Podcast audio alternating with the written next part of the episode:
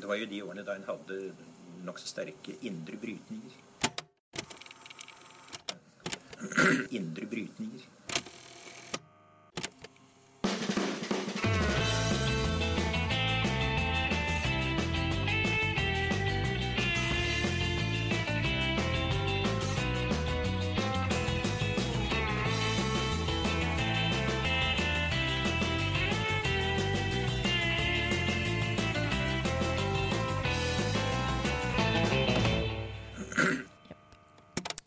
Hei, velkommen til Noen har snakket sammen. Mitt navn er Tiril Rustan Halvorsen.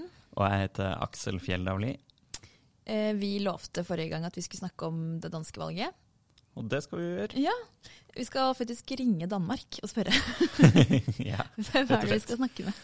Victor Boysen, så han er jo da eh, for tiden i Danmarks Radio. Jobber med valgdekninga der. Eh, har tidligere vært leder i Radikal Ungdom, som er ca. tilsvarende Unge Venstre i Norge. Ok.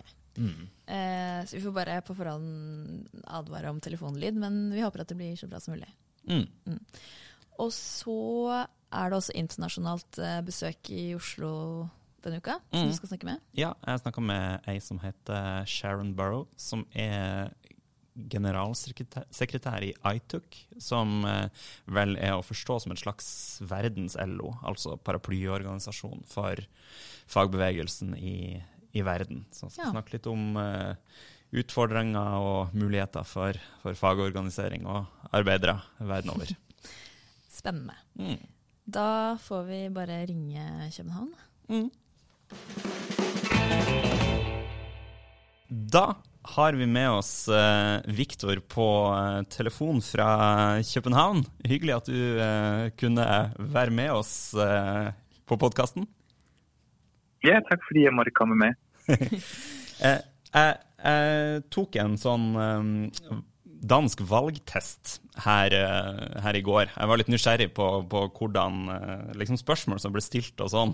Eh, og de spørsmålene som kom, det var på informasjon.dk eh, sin valgtest. Det er vel ei avis som er ca. som norske Klassekampen eller Dagsavisen, tenker jeg. Og de spørsmålene som ble stilt der, eh, det ga liksom litt det samme bildet som jeg tror mange nordmenn har av dansk politikk. Det var liksom spørsmål om hva jeg mente om man skulle ta smykkene fra flyktninger, eh, og hva jeg syns om at man skulle kutte i eh, bruk av tolk for eh, innvandrere. Altså en, del typer sånne liksom veldig eh, tydelige, kraftige tiltak mot eh, rette mot innvandring. Da.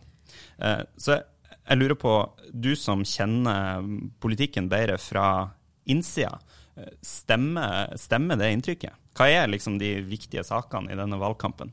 Ja, det er helt rett. Eh, Øh, Flygtninge, utlendinger fylder vældig mye i debatten her til denne valgkampen.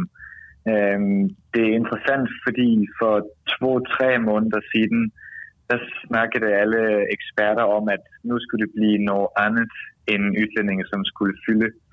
Ved sidste valg i 2015, der fyldte udlændinger kæmpemye, og det var det, som afgjorde valget i sidste ende.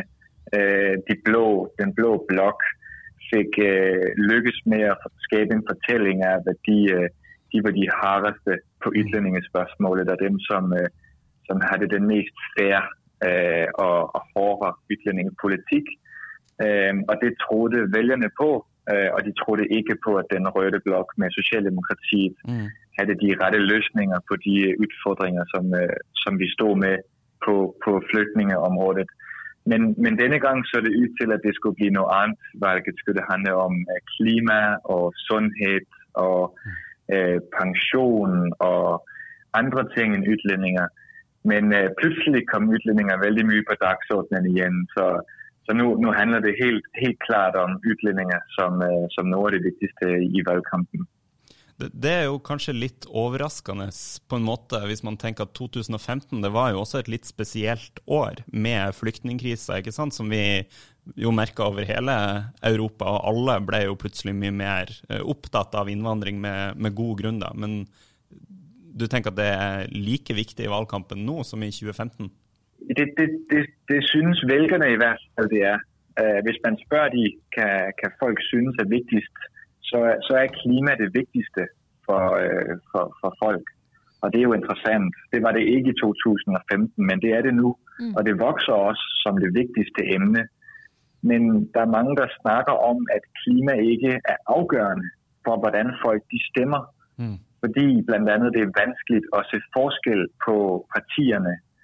Øh, Venstre siger, at de er rigtig grønne, og de har mange ambitioner. Altså Venstre, det liberale parti, og mm. lidt en, en udgave af det norske højre. Mm. Øh, de prøver at lukke den øh, flanke, der er på klimaspørgsmålet, og de ved, at mange unge folk synes, det er kæmpevigtigt med klima. Så de prøver at neutralisere det emne ved at, øh, at snakke klimaet mye op. Mm. Så derfor er der mange eksperter, som er tvivler på, om klima egentlig flytter stemmer på tværs af de to blokke. Altså om der går stemmer fra højre til venstre på grund af klimasaken. Det er ikke helt sikkert, at det sker. Til gengæld ved vi, at udlændinger det flytter øh, vælgere fra øh, mellem de to blokke. Så det er kæmpe vigtigt for partierne at kæmpe om de vælgere, som, som synes, at udlændinge er vigtige, fordi de kan rykkes på, hvad de stemmer på. Mm. mm. Og, øh, og grunden til måske, at udlændinger er kommet så mye på dagsordenen nu, det er fordi, vi har fået et nyt parti i Danmark, som akkurat nåede at blive opstillingsklare de hedder Stram Kurs, mm. og de er vældig, vældig langt til højre på udlændingepolitikken. De er blevet sammenlignet med, med nazistiske partier. Øh, de mener blandt andet, at øh, man skal have to etnisk danske bedsteforældre for at få lov til fortsat at være i Danmark. Så det er jo vældig langt til højre, og mange, for mange et helt uforståeligt parti, men de har ligesom gjort, at resten af højrefløjen har været nødt til at snakke udlændinger igen, så de kunne minde vælgerne om, at de også havde en hård ytlændingepolitik. Sådan så at det nye stram kurs ikke bare kunne løbe med alle de indvandrerkritiske øh, vælgere. Mm. Så, så det er helt klart en årsag til, at vi nu snakker så nye udlændinger igen. Mens nå er Dansk Folkeparti mer mainstream, men det er et nytt parti ute på høyre flanke. Er det riktig forstått? Når, når Dansk Folkeparti er blevet mainstream, så, øh, så kom der plads ute på højre side af dem. Øh, der var plads til nogen, som kunne være endnu mere ekstreme, fordi Dansk Folkeparti har blivet så, så vanlige, så normale for folk. Øh, man så allerede for tre år siden, der kom et nyt parti i Danmark, Nye Borgerlige, mm. som også forsøgte at placere sig til højre for Dansk Folkeparti på udlændingespørgsmålet. Øhm, de har så været med i tre år, og så kom stram kurs nu, som ligger endda længere yde til højre. Øhm, jeg tror både det handler om, at øh, det, der tidligere var længst ydet mod højre, har blivet normaliseret af de andre politikere, af medierne, af journalister, øh, af danskerne, og derfor så har nogle partier tænkt, nu er der plads til øh, nye partier, nye kræfter intet længere mod højre. Men der er også nogen, der peger på, at grunden til, at der var plads nye partier ude til højre, har været på grund af Dansk Folkeparti. De har lagt en ny strategi, hvor de har øh, prøvet at appellere til Socialdemokratiet i Danmark, mm. for at se, om de kunne øh, pege på dem som statsministerkandidat. Så de kunne vælge på valgnatten, om de skulle vælge, om de skulle pege på Lars Løkke fra Venstre eller Mette Frederiksen fra Socialdemokratiet mm. og spille den der midterposition i dansk politik, som radikale Venstre har spillet i de sidste 100 år. Mm. Og der er mange vælgere, som synes, at det var et mærkeligt move, at, øh, at Dansk Folkeparti skulle begynde at, at pege på Socialdemokratiet og Socialdemokratiet har været i stand til at hente nogle af de vælgere, som Dansk Folkeparti har haft traditionelt set, som tidligere måske var hos Socialdemokratiet, men som øh, i løbet af nullerne og især ved sidste valg i 2015 skiftede til over til Dansk Folkeparti, fordi de synes godt blandt andet om deres hårde ytlændingepolitik, men som nu er kommet tilbage til Socialdemokratiet igen, fordi Dansk Folkeparti ved at samarbejde med Socialdemokratiet legitimerede Socialdemokratiets nye skift på udlændingepolitikken, hvor de også er blevet mere højreorienteret. Mm. Så, så, så der er helt klart nogle vælgere, som nu skifter til andre partier end Dansk Folkeparti, fordi de har kigget mere mod Socialdemokratiet. Og det tror jeg også har skabt rum for, at andre partier kunne markere sig endnu hårdere på udlændingepolitikken til højre for Dansk Folkeparti, end det har været muligt tidligere. Hvordan opfattes Socialdemokratiets eh, konservative eller innvandringskritiske vending eh, av de andre partiene på venstresiden?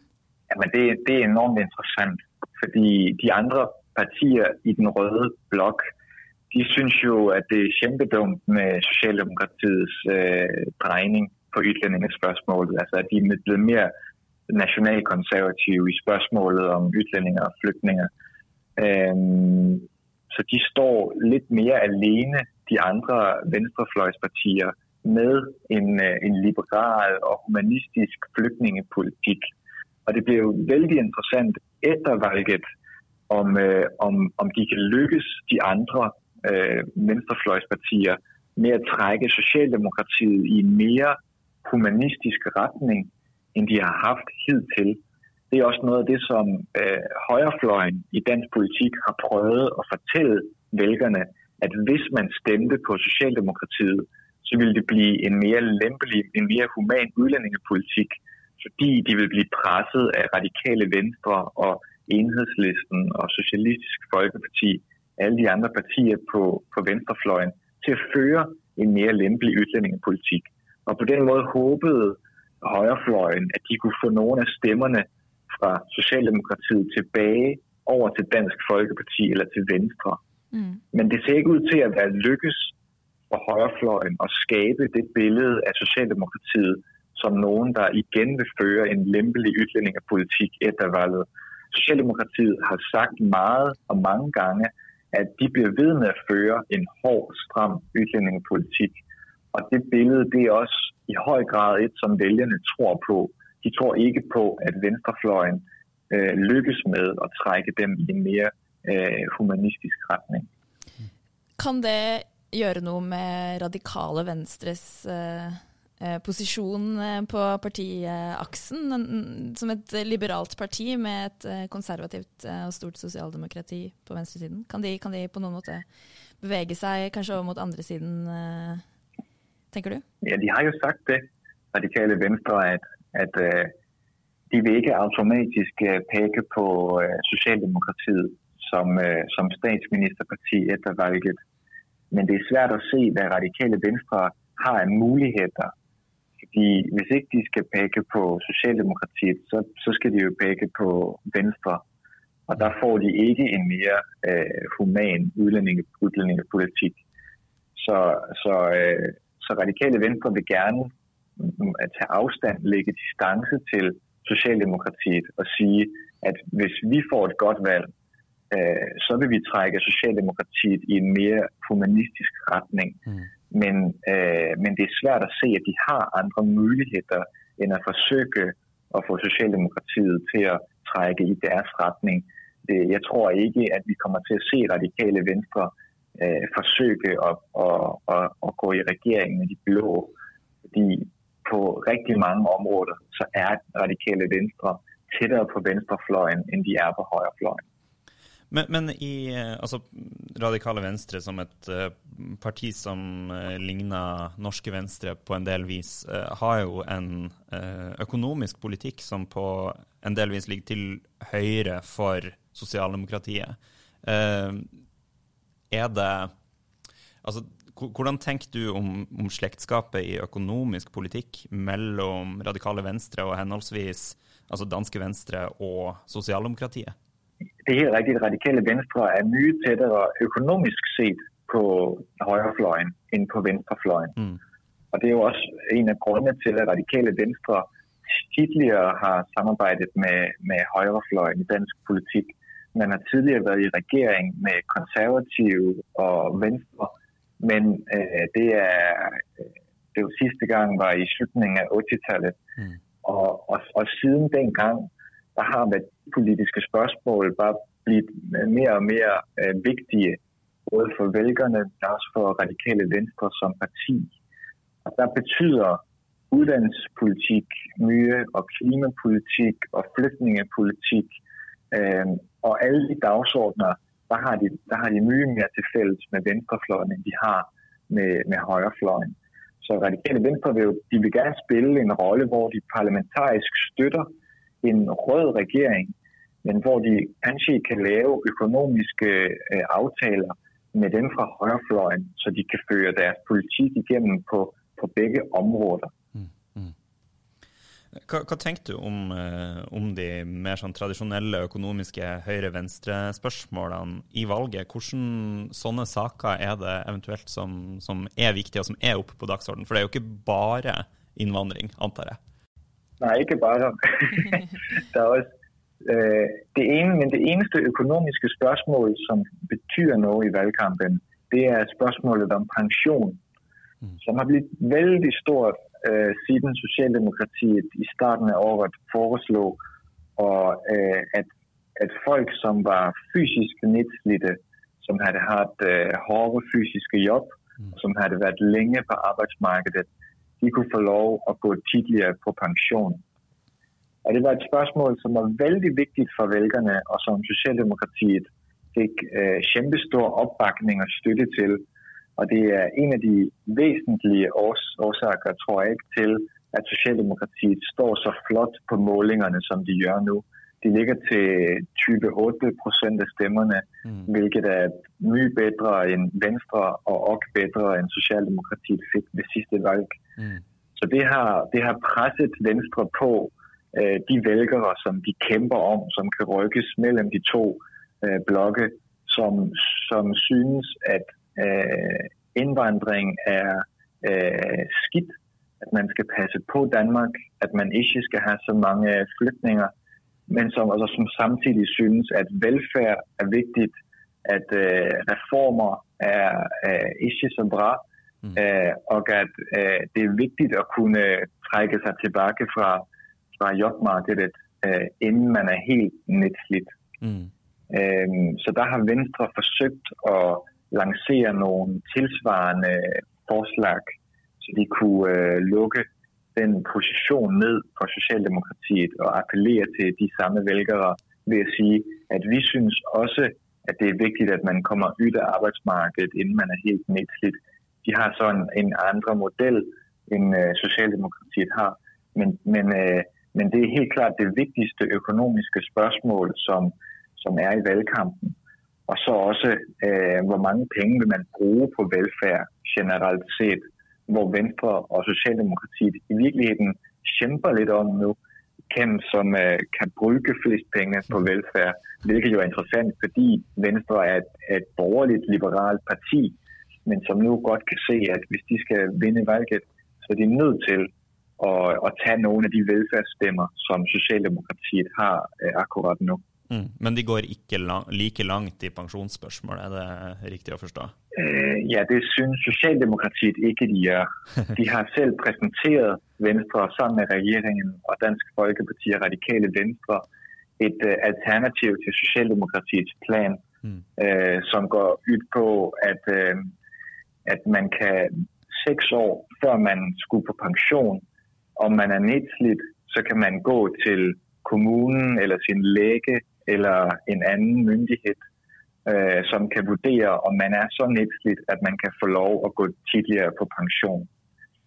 Og det synes Socialdemokratiet er øh, ok, men de vil lage en universel ret til folk, som er nedslidte og som har været længe på jobmarkedet, om at de skal kunne gå på tidlig pension, uden at skulle ned og spørge hos lægen først, om det går greit.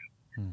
Øhm, så, så Socialdemokratiet prøver at positionere sig som om, at de går længere end, uh, end højrefløjen gør.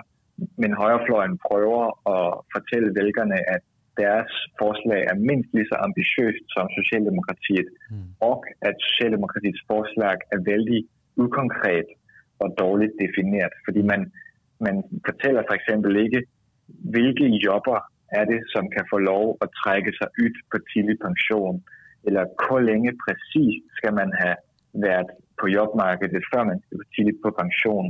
Og kan nu, hvis man har været på jobmarkedet i 25 år, men er kæmpe nedslidt, fordi man har dårlig fysik eller har haft et vældig nedslidende job, skal man så ikke kunne gå på pension tidligere end en, en person, som har været på jobmarkedet i kanskje 40 år, men som egentlig ikke er så nedslidt. Mm. Så det er nogle af de spørgsmål, Venstre forsøger at, og, og udfordre Socialdemokratiet på med deres plan. Mm.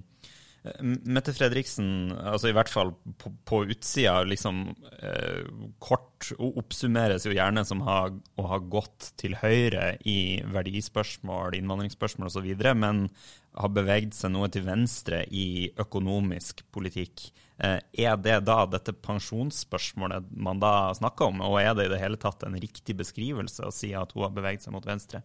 Ja, jeg synes det er helt rigtigt, at Socialdemokratiet er gået mere til venstre på den økonomiske politik.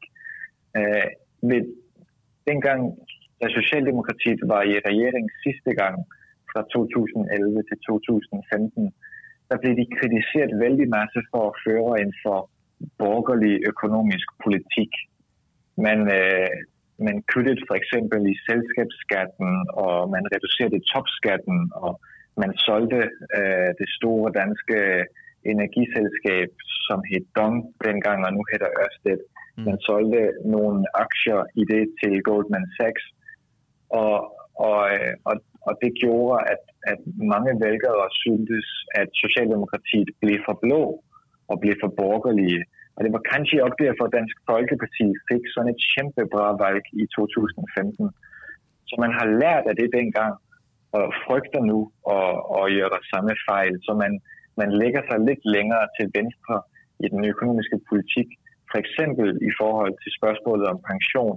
Men det handler også om, at man siger, at skatten skal stige for øh, banksektoren og for virksomheder, for bedrifter.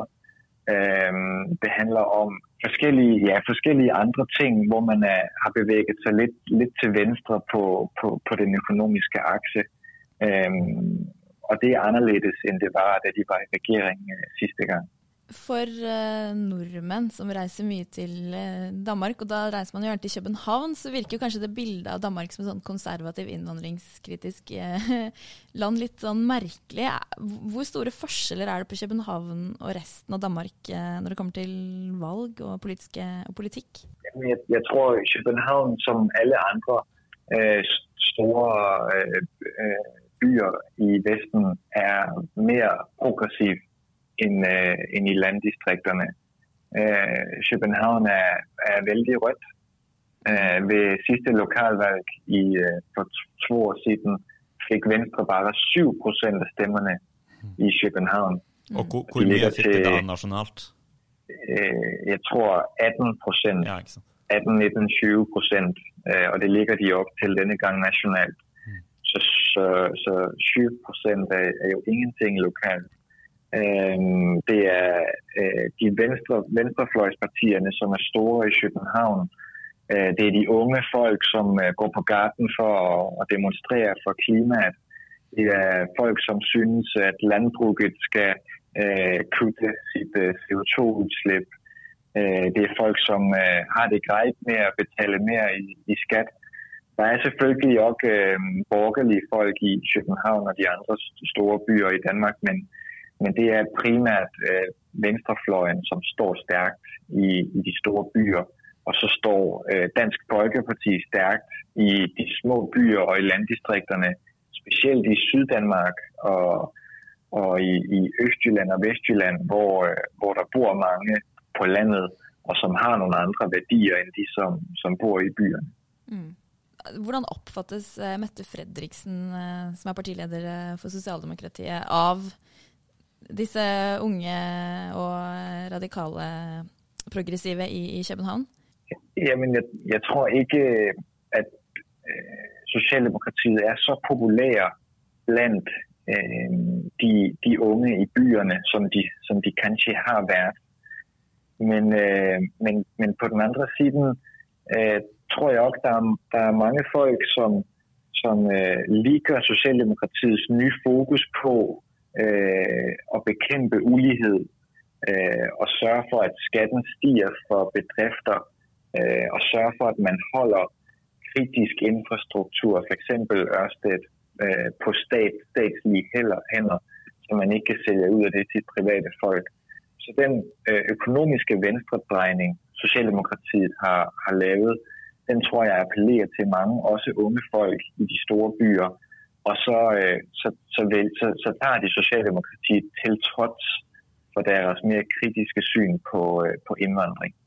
Mm. Ja, hvis vi skal se litt uh, fremover da, til etter valget, eller hva, hva, er en sannsynlig ny regjering uh, i Danmark? Går det an å si noe om det nå? Jamen, det mest sannsynlige det er at, uh, at de røde partierne, de vinner øh, kæmpe stort over, over de blå. Øh, akkurat nu ser målingerne ud til at det bliver 55 procent til, øh, til venstrefløjen og 45 til højrefløjen. Så det, det er en kæmpe forskel. Det kan godt være, at det bliver, øh, det bliver lidt tættere, når vi kommer, kommer nærmere valget, men, men alt ser ud som, at det bliver, det bliver øh, venstrefløjen, som vinder dette valget. Og Socialdemokratiet ser ud til at gøre det kæmpebra, øh, så det mest sandsynlige er, at de kommer til at gøre en, en etpartiregering øh, som er i mindretal og som må støttes af, af andre på venstrefløjen. Men det er ganske vanligt i Danmark, at, at man har små regeringer, som er afhængige af, af, af andre partier.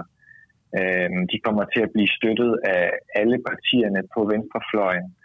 Øh, I nogle måneder har vist, at øh, venstrefløjen kan lave flertal udenom radikale venstre mm. fordi Socialdemokratiet står til så stor en fremgang. Mm. Og det vil være, det vil være kæmpespændende at se, kan det gøre ved radikale venstre og, øh, og, og den øvrige dynamik på venstrefløjen. Fordi så kan de jo føre en, en markant mere øh, venstreorienteret økonomisk politik, hvis ikke de behøver at have radikale venstre med på, øh, på laget.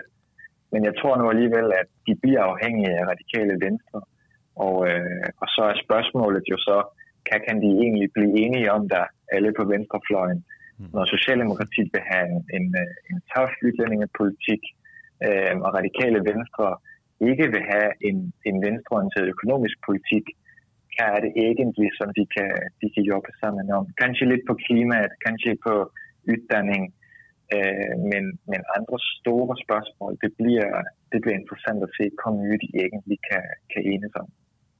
Mm.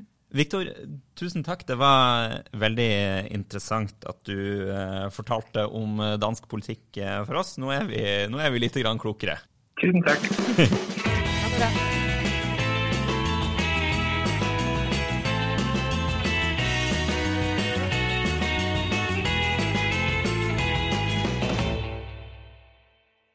Shambro, nice to have you here. Good morning.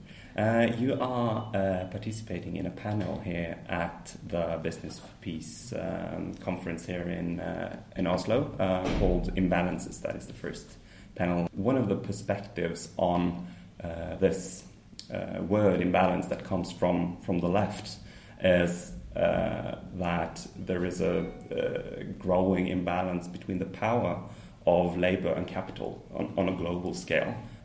do you share this view? There's a global imbalance between workers and the multinational uh, corporate model that is a model of inequality by design and it needs to be changed. But there's also a power imbalance between government and multinational companies.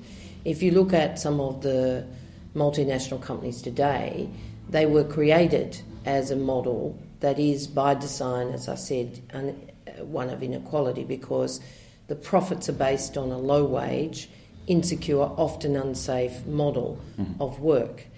And the supply chains are obscured mm-hmm.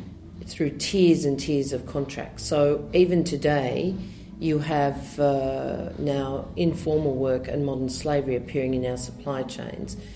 And it's incredibly precarious.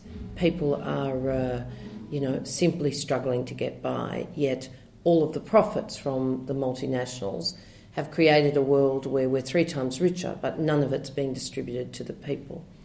But governments themselves, as I said, are cowered by the power of big business. And The traditional model has been difficult enough to, uh, you know, to see governments act uh, to regulate effectively.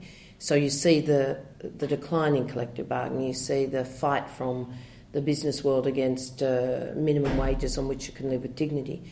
But then you've got the rise of the new digital businesses like mm. Amazon, and we simply say they're too big to touch. Governments are again cowed against using their competition policy probably not possible as individual nations, but not acting collectively to do so.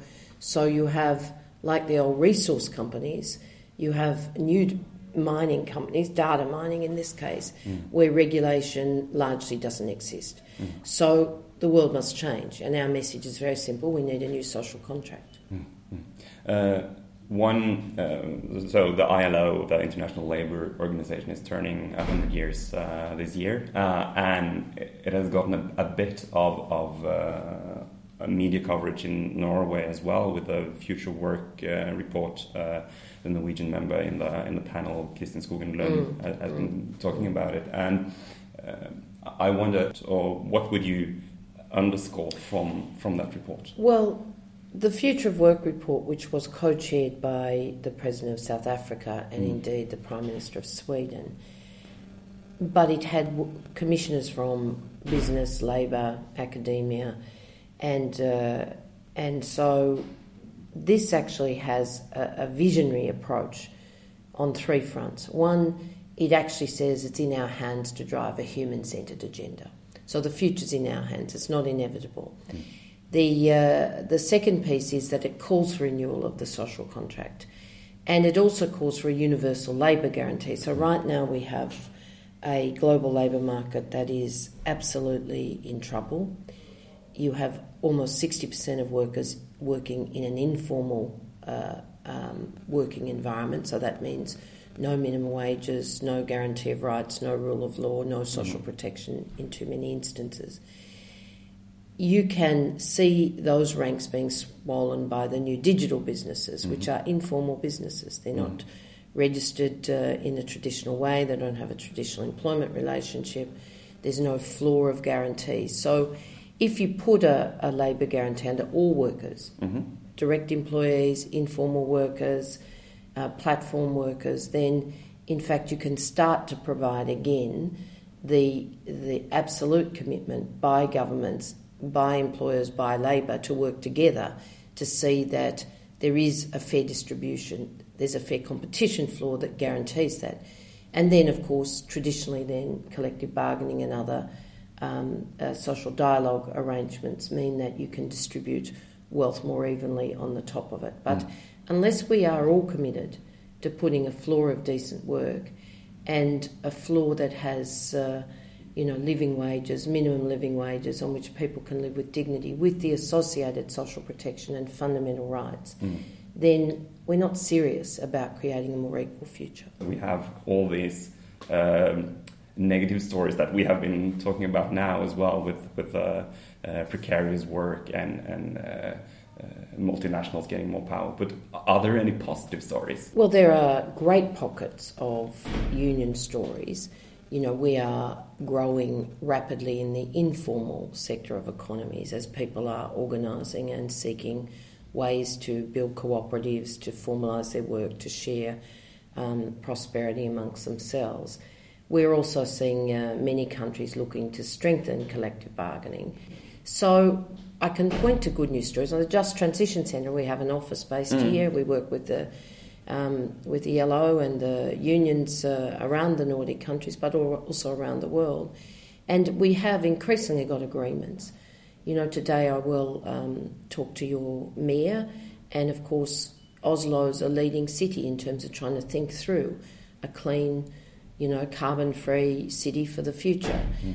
But these things are only possible if we're committed to jobs decent work, mm. and indeed fundamental rights and, and uh, social dialogue and collective mm. bargaining.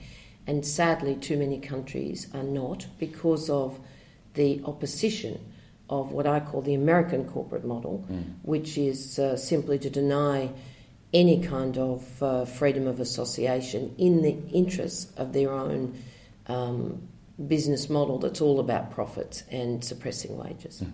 We have really good emerging agreements that are guarantees that we won't leave people behind as we move from a fossil fuel driven economy. So uh, when you look at uh, Germany, when you look at Canada, there's a Just Transition Commission in Scotland. We've got work going on in Nigeria. If uh, the Labor Party wins the election in Australia on Saturday, they've committed to a Just Transition Authority, a statutory authority. So there is an understanding that we won't deal with climate if we don't actually look to uh, make sure people are included in the future. And that means a just transition from their current environment. But this will affect every s- sector.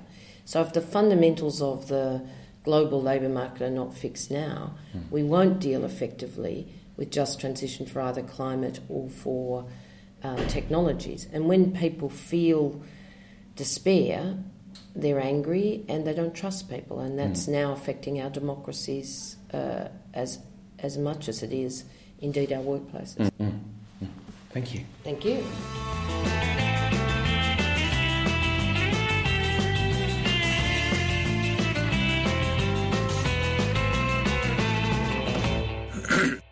Hvis dere eh, vil eh, vite mer av det Sharon sa, så ligger det også ute et eh, skriftlig litt lengre intervju eh, på agendamagasin.no.